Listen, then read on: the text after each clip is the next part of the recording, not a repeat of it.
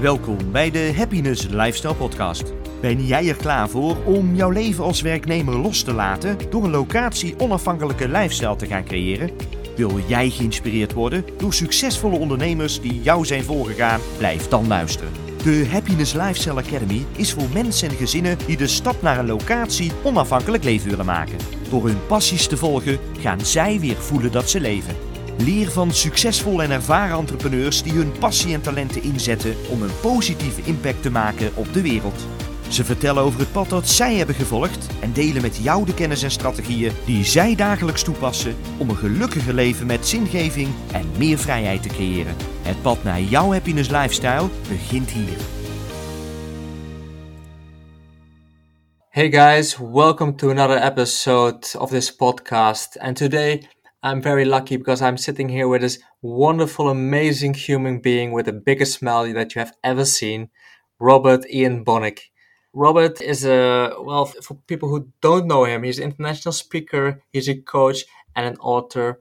Last April, in our community in Facebook, he did a whole show of three steps masterclass every Saturday evening with steps to overcome fear, steps to, be, to get a greater resilience, steps to become a greater human being. So that was very awesome that he did that for our community. And myself know Robert now since October last year. I met him at the Nomads for Change festival um, in Bali. This was a digital nomads and online entrepreneurs non-profit summit with a lot of workshops and a lot of speakers uh, and mastermind. And Robert was one of the speakers there. So it was very cool to uh, meet you there, Robert. Yeah, that, that was incredible. That that was uh, that, that, was a great time. Love the venue as well in Ubud. That was uh, very well put together, and and really enjoyed being out in the open air and just sharing some good vibes and some love and and and some uh, valuable tools that people can take away and use to get immediate results from. Yes, was definitely uh, worth going there and yeah, well, after that, I met you a couple of times at the at the BIG events that we had in Canggu. But it's funny. I, I, mentioned to my wife that I was having this interview with you today, and she was like, because she saw you speak on stage as well in October, and she was like, you know what you should ask him? Ask him, how does he do it? And I was like, what do you mean? The passion, the drive. When he was on stage, everybody was basically on your lips. Everybody was listening to you because you were on the, on the stage or a couple of hundred people there and the passion that we saw vibrating off you it, it was just a wow factor amazing so yeah that's if i have to ask one first question is how do you do it how do you stay so passionate and energetic and smiling all the time well, that's a great question. So, I mean, look, for, for me, you know, I'm happy to be alive. You know, I, I grew up in two children's homes in London from six months to 18, and that was a really interesting experience lots of things happened. You know, lots and lots of things happened. I had people that died around me. One guy got shot in the head. Like, you know, like it, it in many ways, I was protected from life, but in many ways, I wasn't protected from from life, and I saw it full on, head on, and and then you know, just having to overcome so much and having to dig deep, uh, find resilience. You know, I thought even I'm a black guy, I, for the first 14 years I was at school, I was the only black kid so I thought, you know, I thought I was white, even though living in the children's home was pejoratively black. So I had all these things to overcome. I had all these things to to look at, you know, and and like you know, what ended up happening is I realized that the power was, and still is today, you know, to the length and breadth that you can look at yourself in the mirror, and and just kind of just with compassion, just see how you become the person you are today uh, see the patterns that have repeated themselves. And I'm still finding stuff. There's still things that I'm kind of working through or things that I'm letting go, you know. But but when you go through all of that, or when I went through all of those different experiences, I I then you know began to develop the zest for life because I could see that how life is so quick and easy and cheap sometimes to, to kind of lose. And I don't really want to do that. You know, I want to I, I want to live as much as I can. I want to live uh, each moment as as much as I can. And even though I'm not always able to do that, I'm always looking to do that. So, so with with mastery, um, you know, comes so much, so many lessons.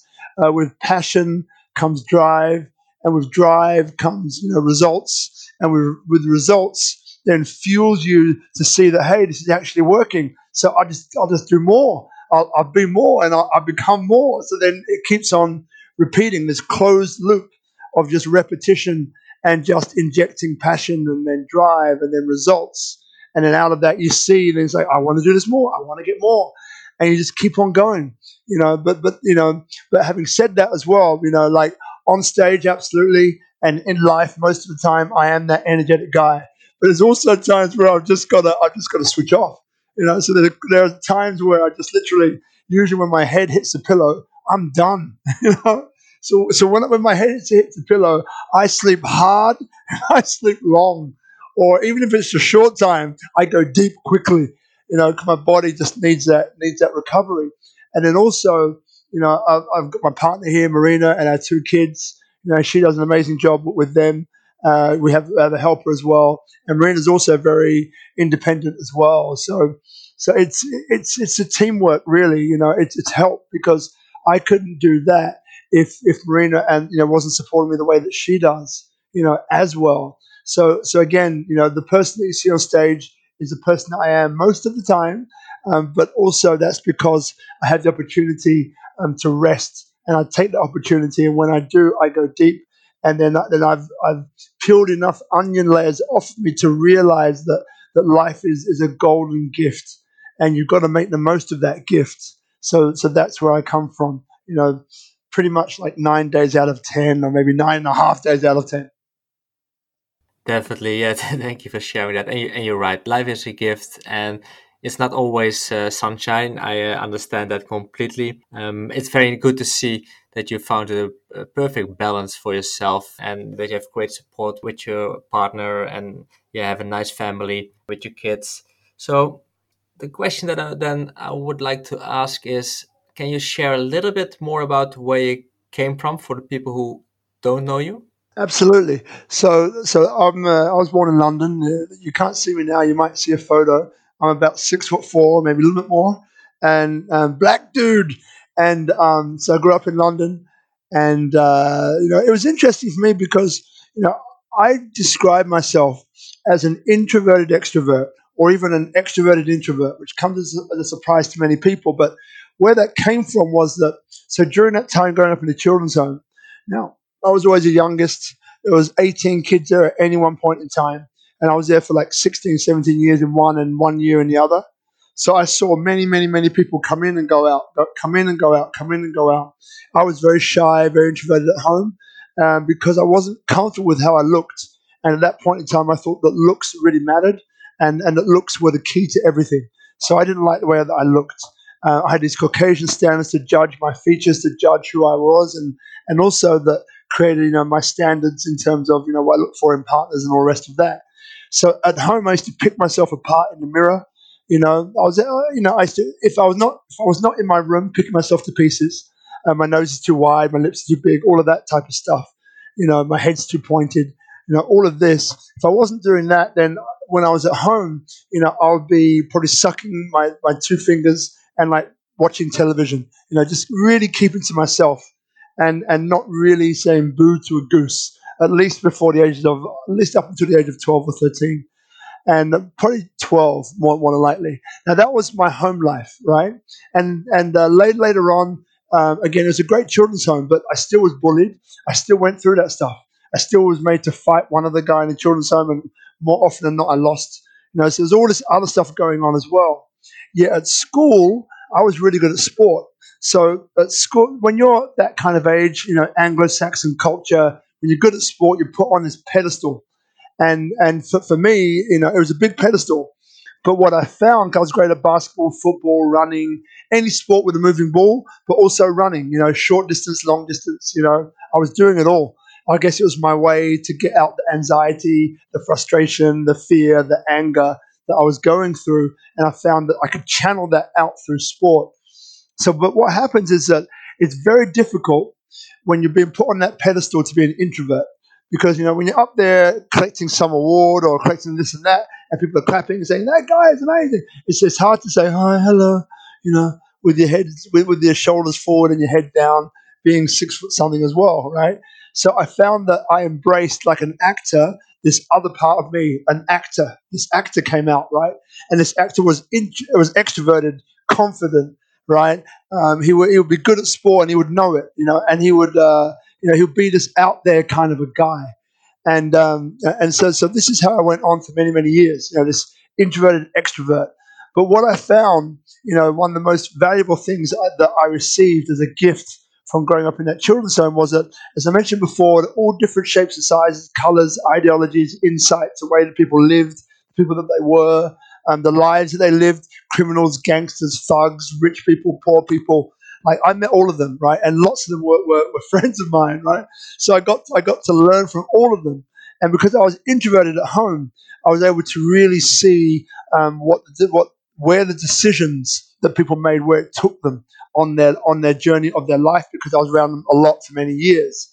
So on a Sunday afternoon, we had a big backyard in this old Victorian house in London, and we'd have the 18 kids in there playing football, this crazy game called knockout, you know, in, into the goal at the end. But that wasn't that wasn't the, the, the main event. The main event was the 30 or 40 other people, up to 30 or 40, that would come from our local community, um, which would come into that back garden and watch us play football and interact. Now, what was happening, what I didn't realize at the time, was that you know so all of these people that came in, all different colors of the rainbow, uh, you know, all different ideologies on kind of how they saw the world, how they saw themselves, and all the rest of that. So what would happen is that they would check their ego, they would check their uh, preconceived ideas about others at the door. So all of these things were checked at the door without it being asked it just it just was is. It just what what happened. So by the time you got into the back garden, we had all these different people from different backgrounds, ideologies, cultures, understandings, ways of seeing the world, all coming around this one thing. Which and the one thing was playing football. This game called Knockout in our back garden. So some of the most amazing conversations happened. Some of the most amazing insights happened because everyone saw themselves as the same in one way or another. And and I imbibed that, you know, and uh, and and later later on, um, I took that forward because you know I became this community guy. I became the guy that would bring people together, that would break people down and bring them together and introduce people, be a matchmaker for business people, for lovers, for husbands and wives, all this kind of stuff. I could just see and feel who would get along together and who should meet one another. So I became that linchpin of the community. And I mean, one of the businesses that we had later on, which was uh, a nightclub voted number three in, in the world. And then, you know, these big events are put on for tens of thousands of people running nightclubs for years, which were really, you know, I wasn't there for the drugs or the women or the sex, you know. Um, I wasn't that kind of a guy, interesting enough, even though I could have been. Um, so, yeah, so all these things came out of wanting to go back and recreate that experience of oneness, that experience of that we're all connected on a certain level, we're all the same.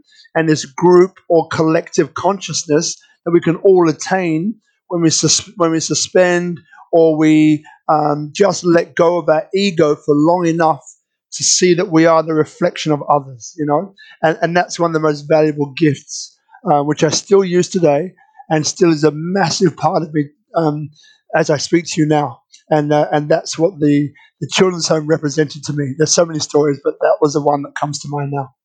I love it. Thank you for sharing that. It's yeah, it's, it's, it's amazing. Is it then so that if I just look at myself, right? I you mentioned everything and everybody came together around the game, football in this case, and everybody felt the same. Everybody it didn't matter if you were black or white or rich or poor. Everybody was there just to play football, and you mentioned you try to uh, replicate that in organizing events, bringing people together. a little bit what you're about, bringing people together, making people feel like the oneness that you're explaining. If I look to myself, I like organizing as well. I like organizing events. I also am a manager at a, at a football club back in the Netherlands. And I just kind of enjoy bringing people together and just watch them from a distance. I'm the introvert. I don't want to be in the spotlight. I can just sit back and enjoy other people enjoy themselves. That's what makes me happy. Is that a bit similar what you were describing?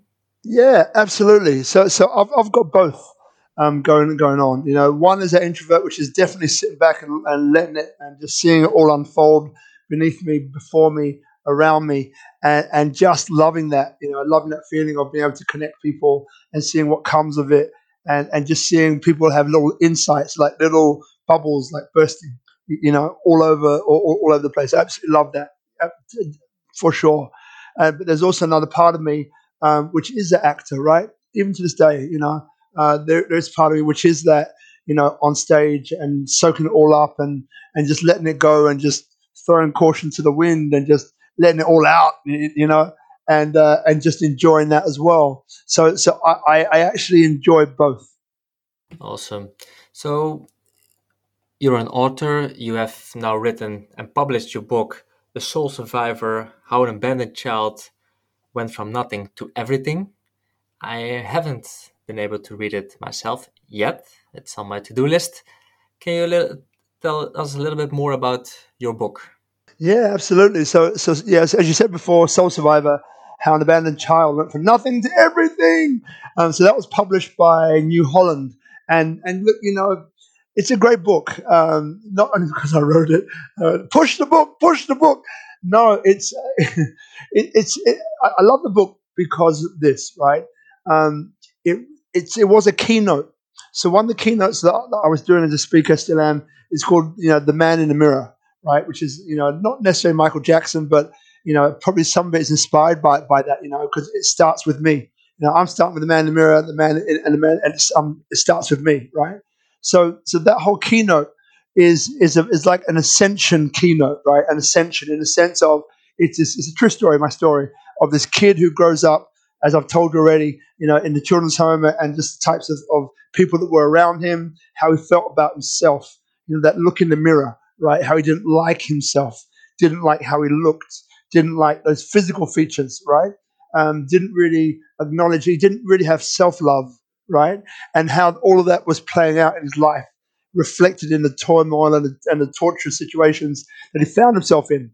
And then you see, you know, like that that that like like a hand coming down from the sky, you know, saying, "Hey, I can show you the way," right? Which in many ways that was like that was represented by sport, right? And it's funny you mentioned football. I, I love that. Thank I, I, had no idea about that, but but that, it's funny you mentioned that because sport was like that for me. It was like my way to pull myself out, to exorcise the anger, to exorcise um, you know the, the frustration, uh, to exorcise all of that stuff you know, which was which, which, which was there for me. It gave me a really great way to get it out. So so basically, uh, the book is divided into three parts. The first part is about um, you know what life was like growing up in the children's home. You know, various situations of camaraderie, various situations of there's some violence in there as well, but it's, it's honest, it's real, it's what happened. That's the first part. The second part of the book is very powerful because then what that part of the book is about is is that when we or, or when I, you know, as a human being, um, when I decided, you know, to to basically lift uh, that that glass ceiling off of my head, that glass ceiling of limitation, that glass ceiling of saying, well, you can't be more, you can't do more, uh, there's no way you can attain X, Y, and Z. When I removed that, it gave me an insight into what I could become and what I could do. Uh, and that was uh, the first thing, one of the most important things was playing basketball for my country, which I never thought I could do. That was one of the things that happened during that time. You know, it was like eventually, you know, working with people like Madonna, um, working with the supermodels, Naomi Campbell, Evangelista Herzegovina, Christy Turlington. It was having a nightclub or a business, co-running uh, business for number three in the world. It was, you know, having kids, having a family, moving to Australia, living in Italy, other countries, learning different languages, you know, just treating every day like it was my last, right? But then having that idea of I'm going to get and grasp and attain and pull out the best out of any experience that's going to be coming into my awareness, right? Whether it's good, bad, or, or otherwise, I'm going to find the good. I'm going to find the gold nugget, right? So, so that that middle part of the book is about that. What happens when you let go? let go of ego, let go of all, let go of fear, let go of anxiety. Not say that I didn't have it, but to the most part, I managed to let go of it. And then the third part of the book is basically practical exercises that you can use, that you can use practical tools to get you into that state. Practical tools that I used and still use today to attain things. um, tools that I use to, you know, if I'm going through a tough situation, tools that I use to ensure that I never give up. You know, there is sacri- there is um, surrender, but that's a different type of surrender. It's not surrender as in as in what most people consider. It's a different type of surrender. But but all of these things that I use, all the tools that I use, that's that's crammed into the third part of the book. So so they're the three thirds of, of the of, of, of the book. And and yeah, you know that's why I'm very proud of it because I, I wrote every single last word. Actually, funny story about that one. I wrote it all on the eighty percent of it on the mobile phone uh, from the front seat of an Avanza truck uh, when, when we first got to Bali with the kids in the background screaming, uh, thank you, Marina, for really dealing with those guys. And, and me just writing furiously in the front for 45 minutes on my phone. And, uh, and yeah, so, so that, that's, that's 80% of how I got the book done. Yes, it is a funny story. I do remember that that story. That was actually my next question was about it because I just imagine myself seeing this big guy in in the, in the front of his uh, truck on a phone writing a whole book in ten weeks. You know, it's it's pretty amazing uh, achievement that you did there. It really sounds like a very inspiring self help book that a lot of people can use to find direction for themselves and learn about how they can use their story to uh, reach to those dreams and goals that maybe feel out of reach, but they are not actually out of reach. Mm, mm, mm, mm. Exactly, exactly. And, and, and you know, um, as I said, you know, growing up before, you know, in the children's home, like very early on, I got that sense of, you know, bringing people together. I got that sense of that's what my purpose is, bringing people together and giving them tools to inspire and uplift themselves and others around them, right? and and so so, so like so, so that's that's what that book is. It's an extension of, of that. It's extension of, of, me. It's a declaration, um, basically saying, look, you know, it's not where you start in life; it's where you're going. You know, it's about you know about reaching the destination, but but what do you learn about yourself along along the way? You know, and, and, and like that's the I guess that's the narrative. That's what underpins the whole book. And in many ways, you know, that's what underpins my whole my whole life, or the way that I see life so, are you now using this book? Because I definitely also want to ask you about the new course that you are launching at the moment, and you use your book as a part of it. Mm. And basically, it's you call it "Turn Your Story into a Book and a Six-Figure Income." sounds amazing. I'm very curious what it is. Can you uh, share shortly what your vision with this course is, and how did you come to the idea to combine writing a book with having people launching a six figure income business? Yeah, very good question. So, look, like what this is about, um, you know, like I love, as I said, bringing people together and just pulling the walls down or encouraging the walls to drop so people can connect.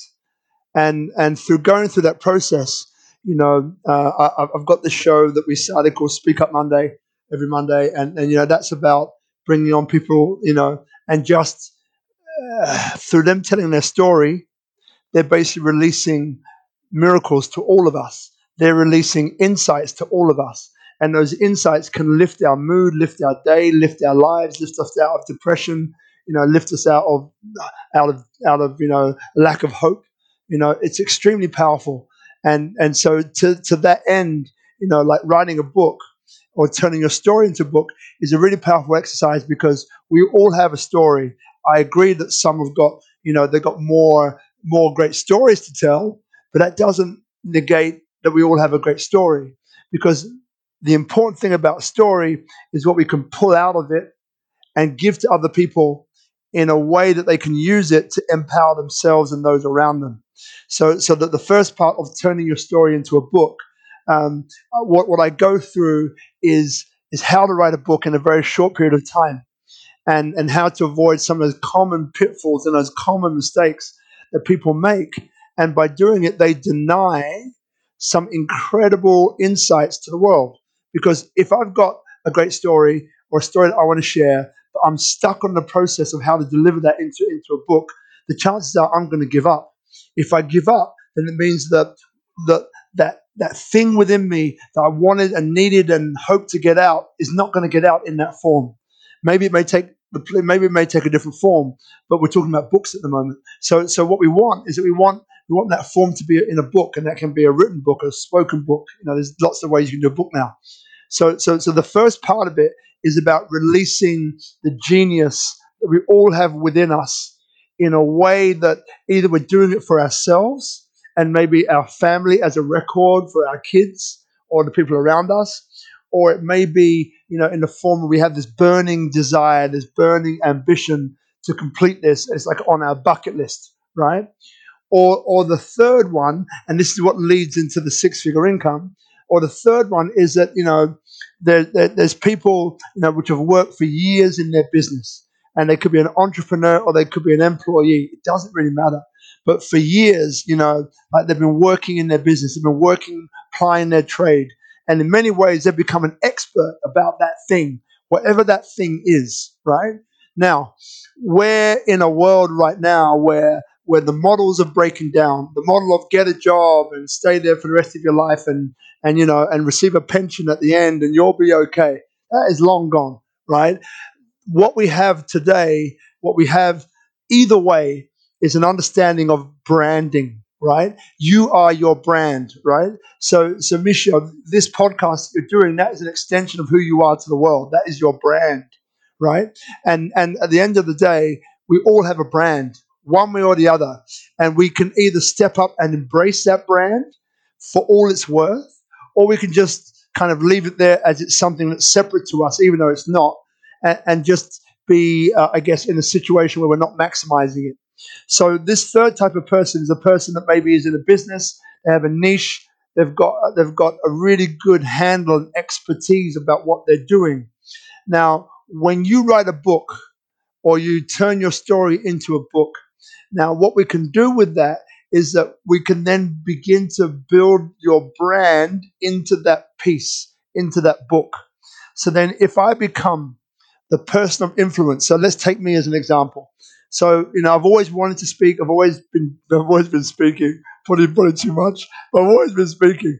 Now, writing a book, what it enabled me to do was to put that stamp of authority up there, saying, "Well, okay, so this guy knows something about this particular area. Maybe we call it self development. Maybe we call it resilience, right? So this guy knows about resilience because he's been through it, he's lived it, and he's and he's, he's mastered it, right? Okay, great. Now, because I've done that and that book is there, that's like a calling card. So then my agent is able then to say to people, book Rob uh, for a talk about resilience or community and so on, because this is what he does. He's lived it. But not only that, here's his book. So now what that does in, in the eyes of those who are looking at it is that it makes them comfortable because when you're trying to do something, you know, and you want to uh, you want to reveal, you want to share something, the human condition is there saying, well, okay, um, why shouldn't I let this guy do this? So we're looking for reasons to say no. So when you have a book and then you can build your brand around that book, right? Then it's easier for someone to say yes because then their fear of can this person deliver is taken away. Can this person, does this person know what they're talking about? That one's taken away. All right, can this person actually do what they say they can do? That's taken away, all because you have a book. You know, it, it's it's amazing how it works. And then from there, um, then then how we can monetize it. So I work with it with a, with a couple of very strong PR companies. Um, how we can do that then is that then we can create you to be um, you know, one of the key people of influence in your niche. When you have that, then what comes out, because now you're visible, what can come out are things like speaking in invitations, like a keynote speaking. Um, what can come out is like sponsorships, endorsements, this type of thing. What can come out is workshops. Now, all of these activities are activities that you can receive payment for simply because you're giving a great service you're offering, you know, some great, unique insights, tips, takeaways that people can take on board and empower themselves and increase the, the quality of the life that they're living. And in return for that is income. So it's a it's it's a return for the service that you're rendering, right? And this is how we're able to monetize it. Now, on along that pathway, we've got different vehicles that we can also bring in. So, and one vehicle is an anthology. An anthology uh, is uh, is a book that is written around a theme, and that theme is basically brought together by could be 10, 15 different authors which are coming in to write that book. Each one writes their view on, for example, it could be say, you know, it could be, you know, the the the the the, the 15 most important tools to obtain resilience, right? And then each speaker then gives in, or each author gives their take on resilience. You know, that one thing that they do that impacts their resilience, that raises the level of their resilience out of out of out of the stratosphere, right? So that each each one each one does that. Now, because of the, the, the weight and the strength and the experience of this PR company that I'm working directly with, they're part of the part, part of the team, we can ensure that book becomes the number one bestseller on Amazon. Now, again, this is another calling card, right? So we, we keep moving up, moving up the ladder. And like one of the final pieces, so there's a, a bunch of publications in the world which are extremely well read, which are extremely well known. And so the company and the team that I'm working with, so so what we basically have access to are feature articles in some of the world's most prestigious, prominent, well-respected um, mag- magazines, and these are global, right? So now one feature article in there as being the captain of your niche or the, or the queen or king of your niche, uh, or we have a bunch of topics that we can write around each particular month. Now, something like that adds again a massive impetus to the calling card that you've just created, of which then can be monetized into speaking engagements, into endorsements, sponsorships, workshops, masterminds, and so on. And that's how we're able to actually do it. Well, I agree with every word that you said back here because I've been in this process. I'm I'm an entrepreneur for a while, so I know how it works. I know exactly the part that you laid out here, and it's just beautiful and work. It works. It's it's amazing how it works. And like you said, I use podcasts to reach my audience, and other people do it with a book. So the audience, uh, people listening to my podcast. Besides the, the entrepreneurial community that we have have in Bali, there are uh, uh, there's a community of people who are still uh, in working for uh, as an employee. They're having they're still having the employee mindset. They want to break free. They're not sure if it's possible. You mentioned that the world is changing, and I completely agree with with that part. So with my platform as the podcast, I'm trying to give value to those listeners who want to be motivated, inspired by people like you, people uh, like that I interview in, in different episodes, to break out of that red race. But the question that I then often will get is how? How do people often think that going to go wrong and not what not in possibilities? So can you explain a little bit how you transitioned from one career to another to how do you eventually got here? Because you did so many things. You were that that kid that had nothing. You became a person who played basketball for your country. You worked with madonna. You worked with naomi campbell. You became this famous businessman. And now you're having your own course and your own programs and you're helping and coaching other people so how do you this is a rhetorical question. How do people transition of pivot between jobs or uh, careers when they are not really sure what their possibilities are? Mm. yeah that that's that's a million dollar question. Uh, it's a fantastic question. And look the, the way i answer that one is that you know i never knew what was going to happen in my life right? I never knew um, there are times where I do visualize what I would like. I visualize the desire. I visualize the type of lifestyle that I want. I visualize, you know, even down to the car that, that, I, that I used to drive. Um, now, now it's an NMAX. Uh, that's what happened to me when we moved to Bali. But you know, so so there's some things which I definitely visualized, right? But as a kid, you know, like eight years of age, nine years of age, sitting down in my room with a mirror up to my face, pulling myself apart, saying your nose is too big, nose is too wide, your lips are too big, your head's too pointed, your face is too thin, uh, you know, all of this stuff. I had no idea what was coming, you know, and I can't pretend um, that I do or that I did, uh, that I still do now, right? So, so the first thing I would say is that, you know, it's a step by step process, right? And, and it starts with little wins, you know, just a little win. So when I was there, uh, going back to my room again, you know, and I remember I, you know, the self talk in my head was all negative. You know, like you're not this, you're not that enough, you're not this enough, you're not that enough, you're ugly, you're this, you're that, you're never gonna make it, you know, like all the negative self talk, right? I was spiraling down, spiraling down, spiraling down. And yeah, I definitely contemplated suicide. I, am not sure if I would have done it, but I definitely com- contemplated it. And, and but I was down. I was down, down, down, down, down. But in the worst of moments, you know, maybe it, maybe I reached rock bottom. I, I can't say. But in the worst of moments, you know, was a was a voice that came up, and that voice was a different kind of a voice. It wasn't pulling me apart. It was a voice that was trying to build me up, and it was warm, it was tender, it was loving. You know, it was like Rob, Rob, Rob, what? Just look after your skin. what? Just look after your skin. And I remember it like it was yesterday, right? And that's what this voice said. And that was my first time that I encountered any other voice inside my head that was anything but tearing me down. You know, and that was that was that was the moment that something happened, that something cracked, that something moved, that something changed.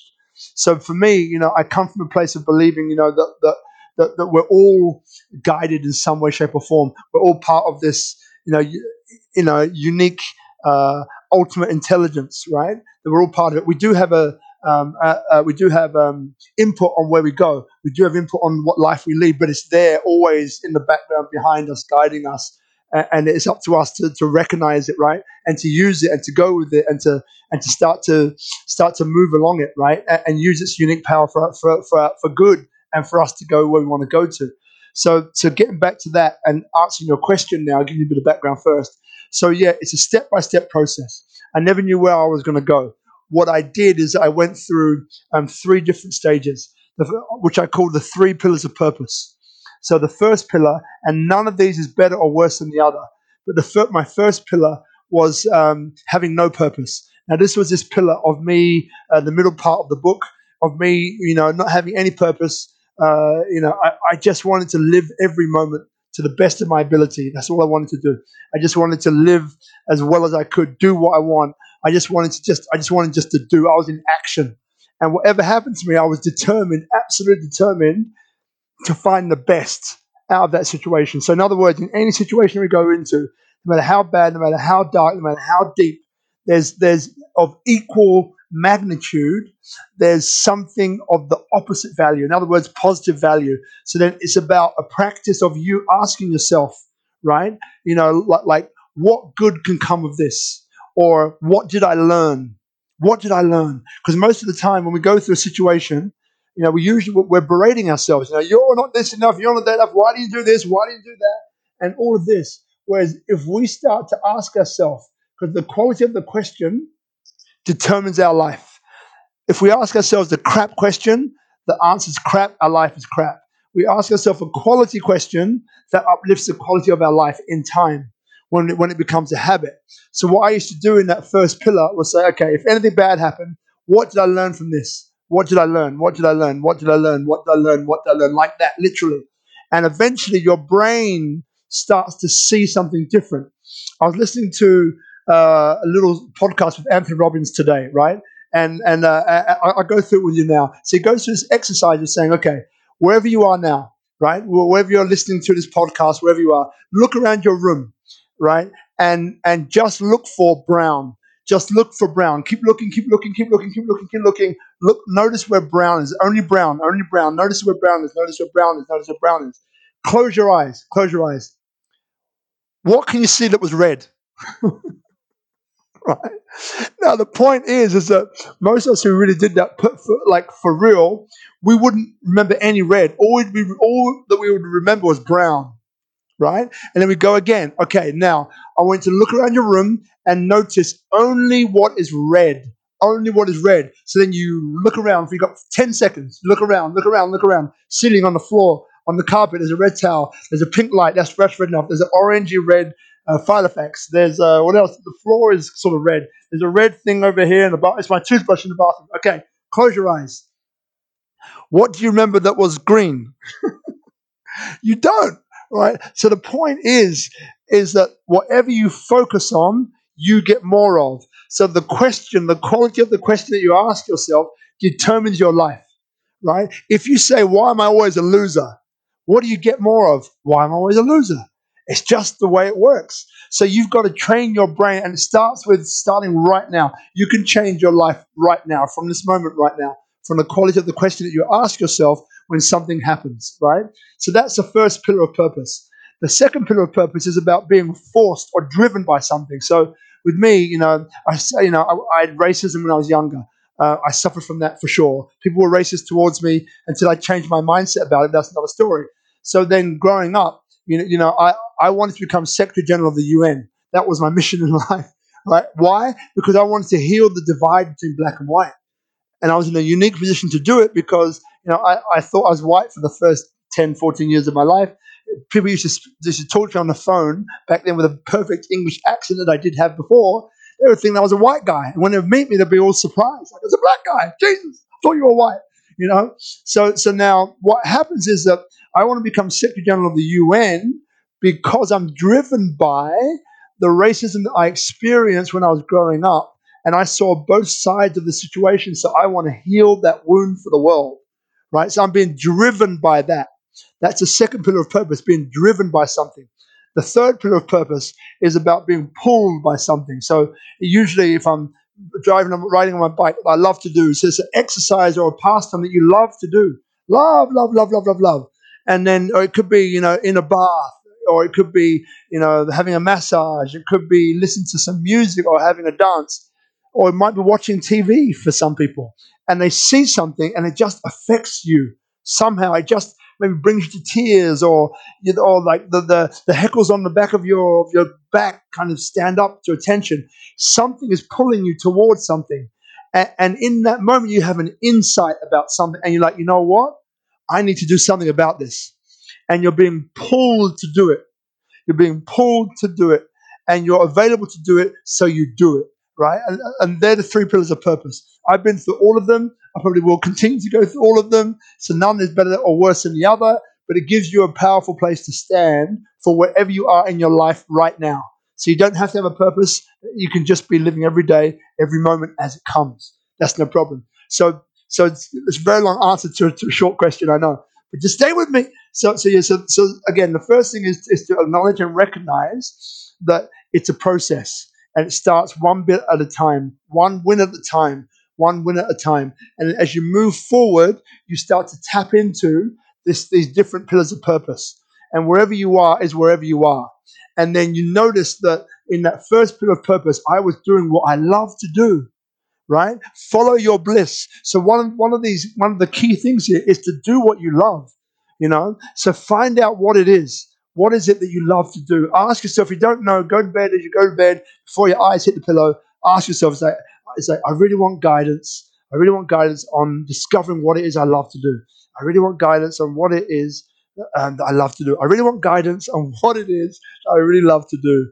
And as you wake up, as you sleep, you will get insights about it for sure. Or the next day, keep on going for a few, three or four nights, and you'll you'll keep getting insights on what it is.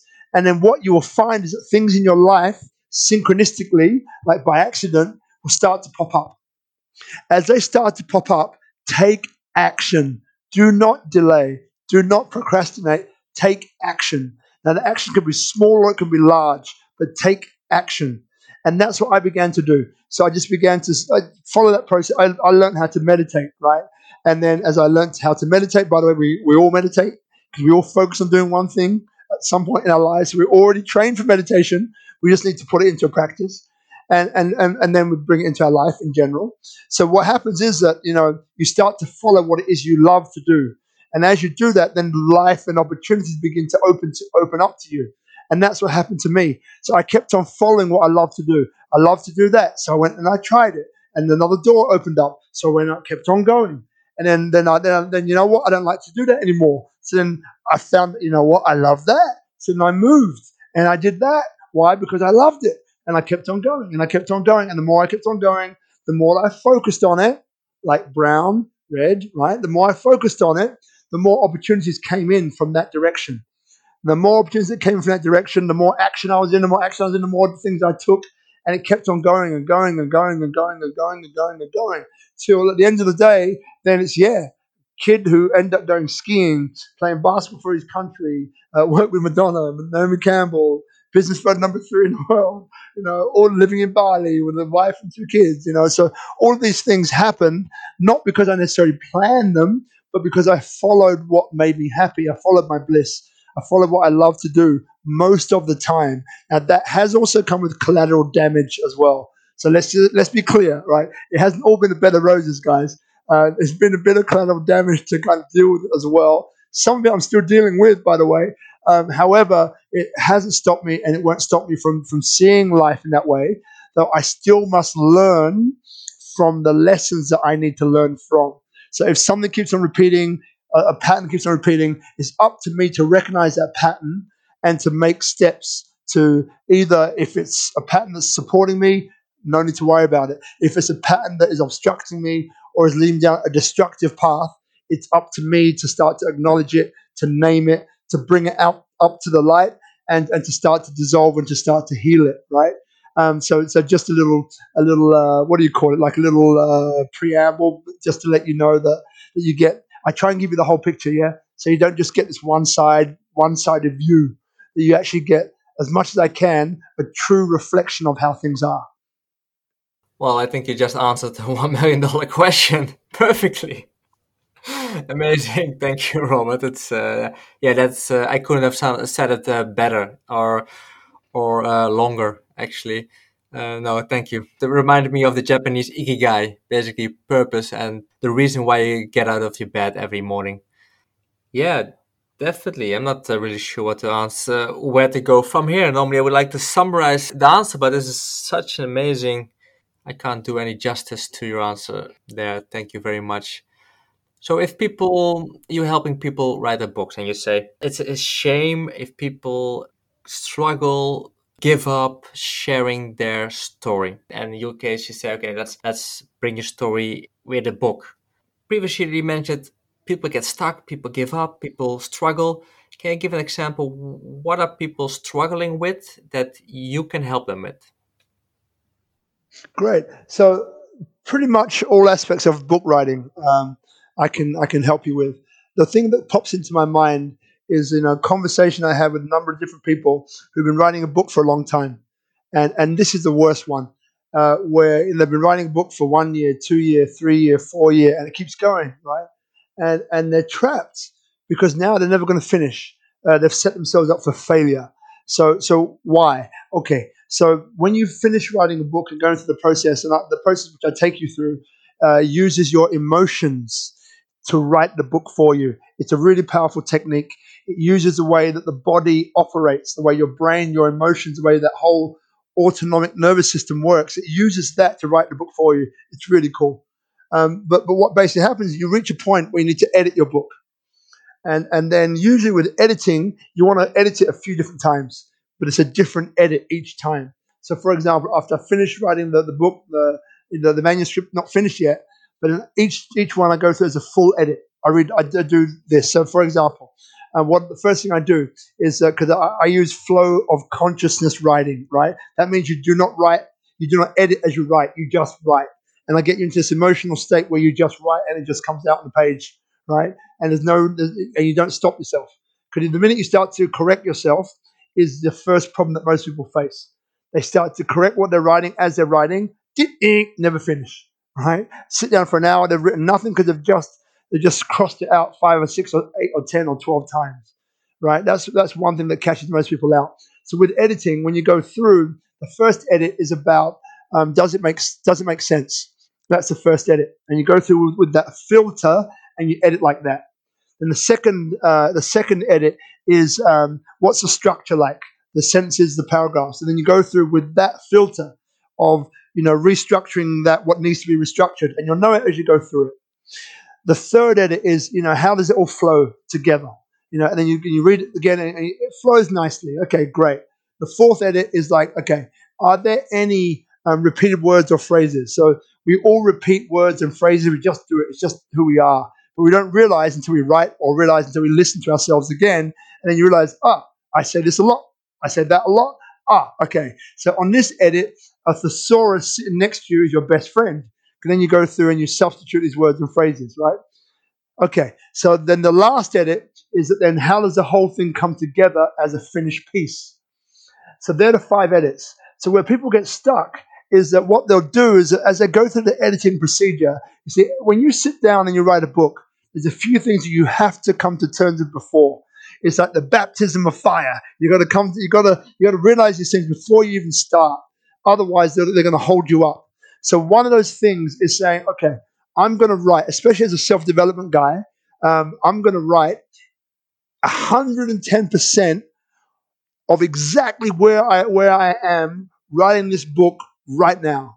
Now that sounds crazy, and of course you are. But here's where it, where it, if you don't acknowledge that, where it comes and trips you up.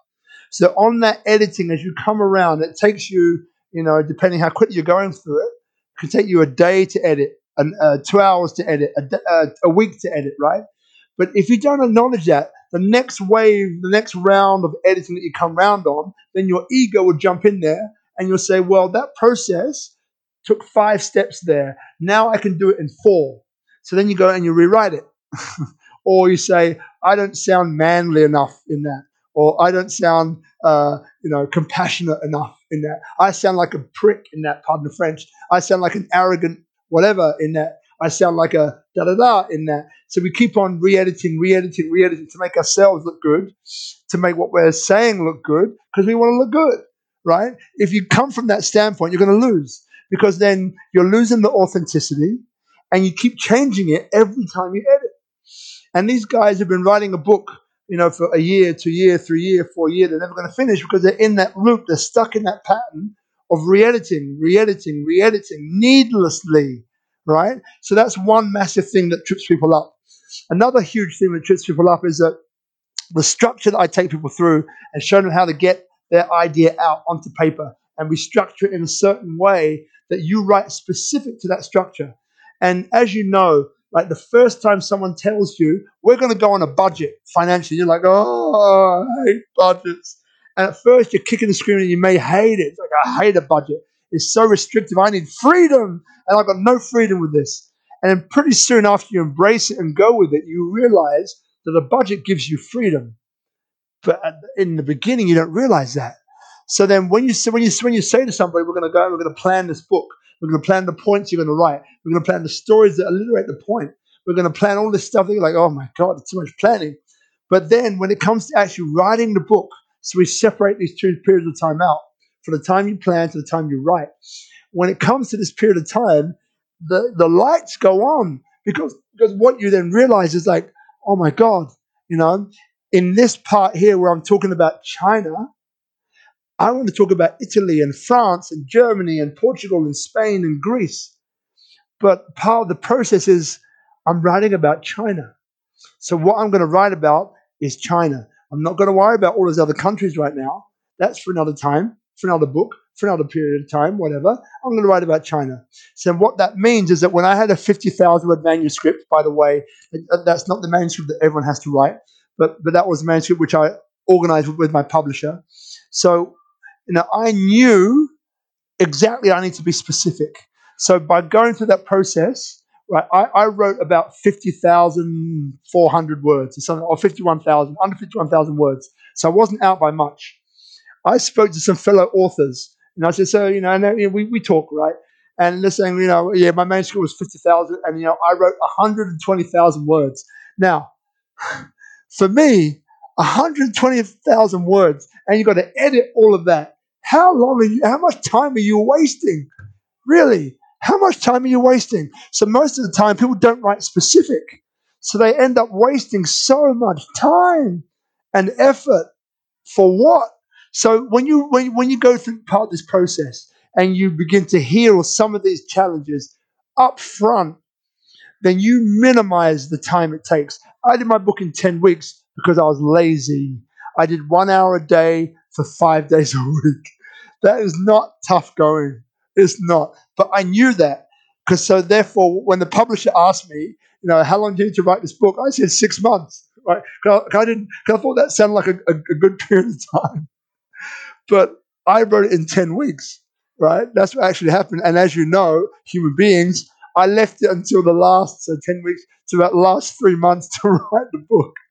to get it out, to get it done. Up until then, I was not really writing that much, right? So anyway, I'm just giving you some of the ideas, uh, some of the ways that we can save you time, some of the ways in which you know we can really um, isolate and identify the key aspects of what make a book sell, the key aspects that you need to focus on to get it done, the key aspects of doing that that you get it done in the shortest possible time, in the quickest in the in, in the in the quickest most efficient way of doing it, and using your emotions uh, that really um, catalyze the whole the whole process. I recognize doing everything at the last second completely, Robert. I think a lot of people, uh, a lot of people do. So again, I'm, I'm visualizing you riding in the front of your truck and Marina doing all the support. So if people uh, recognize themselves in this, they they, they, they want to share the story in the book, and they also recognize the struggles that you just explained. So they were like, okay, I'm definitely gonna have to deal with this. How can they reach you? Yeah, look. So easiest way, I've got a Facebook group. This one's public, and it's called "Turn Your Story into a Book." And you can find it on Facebook. So "Turn Your Story into a Book." And just jump on Facebook. It's in a Facebook group, and just jump in. Right? There's three questions on the way in to make sure that we're talking talking with the right people.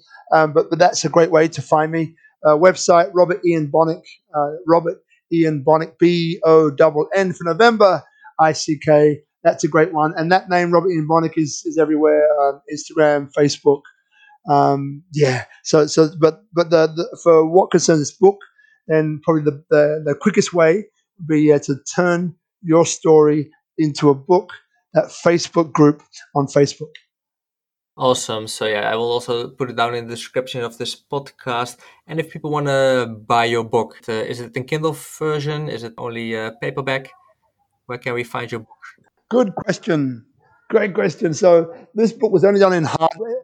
I, I want to read it. So yeah. yeah, it was only done in hardback. This book, um, like because the publisher, uh, we got carried away, and, and, the book is is a is, it's like a collectible. It's like a collector's item. When you see it and you get it in your hand, beveled, ed, beveled, uh, gilded pages, like it's crazy. Um, a lot of money's gone into that book. I, I wouldn't suggest you do that. Uh, but a lot of money went into it. So it's a beautifully designed book. Uh, the cover is it's got a, a great feel about of quality about it. So when you get this book, it's it, it's pretty special. So you can get that um, from my website. I've got the links to get it, but you get it on Amazon. You get it from um, New Holland Publishers, and it's on a, a bunch of other online websites you can find. And and as yet, I haven't been back to Australia to record the audio version. Uh, shocking. So there's not even an e version of it yet. Uh, but anyway, we're working we're working on that now uh, with the publisher to get that up and running. Um, so so yeah, so soon you'll be able to get on that. But right now it's the old fashioned version, people. It's it's getting the book, getting the pen out, underlining, underlining, scribing, drawing, scribbling. That's what we're doing with this particular exercise. So that's that's how the book is at the moment. Ah, no, cool. Just back to old school m- marking inside the book, you know all the things that we can't do anymore with Kindles. So yeah, Robert, it was amazing to speak with you. Uh, always a pleasure to listen to you, see you speak on stage, having personal conversation with you. So I really enjoyed today talking to you. Are there any last things that you want to add that you want to share with uh, with the audience? Yeah, yeah, there is. Look, like here's the thing, right? We often have that pull from the universe, right? So this is the three pillars of purpose. It's the, the, the third one I'm talking about now. We get this little insight. We see something on TV. There's a conversation we have with a, with a best friend or a loved one. There's something that happens. Recently, I lost a few people that I knew pretty well that died. Like there's all these things which are happening. There's a COVID. There's a Black Lives Matter. There's all this stuff that's going on, and it stirs something within us, and we get this clarity of focus that hits us, right, to do something. Now, what I'm saying is that when you get hit or when you get touched or when you taste or you sense that, go with it, right? Especially in the confines of writing a book or writing an article or writing a blog or doing a Facebook live or a Instagram live. Just get on and do it, right? Because what it's about, it's about expressing, right? So it's about expressing what's within you in a way that others can hear it too because the, the best, our best best, best, best, best thing about human beings that we can impact and positively affect one another in dramatic, exciting, important ways, right? And that's what we need to keep on doing. So if it's with a book, you know, I definitely encourage you to go go to turn your story into a book, Facebook group, get into it, get it. There's there's 21 days of free content, and in the end we've got like a big webinar, and, and we can do you know like uh, we can do coaching, we can do ascension. There's all sorts that we can do after that. But but even the free content is very very powerful. It will get you on your road to getting the book started. Right? It doesn't need to take six months. Right? You can do this. You can have this book if you self-publish. It can be up within 48 hours. Like this stuff doesn't have to be long, but get it out. Right? Because again, you know, when you get that tap on the shoulder, right, to basically pull you, drive you, push you into doing something of value and importance for the world, right? listen to it, heed it, and take action to do it. And if I can help you on that journey to getting it done, just get in touch, right? That's the most important thing, I think, which I can say to you guys now. Thank you so much, and definitely everybody who's uh, who's interested, uh, reach out to Robert and write your story in in a book. Thank you, Robert, again. Uh, always a pleasure. I'm looking forward to the next time that we speak, and I wish you all the best and success with this course. Thank you so much, Michelle. And thank you for having me on the show. And as you know, I love to talk. Get me started, and I keep on going. Uh, I really appreciate it, mate. Uh, I really do. Lots of love to you. Can't wait to see you again in Bali. And, and look, um, yeah, look, to everyone else listening, thank you for taking the time uh, for listening. I really, truly, it's my intention that you got some great value out of that please act upon it because if we don't act upon it, it's wasted. And I know you don't want to waste it. Thank you so much.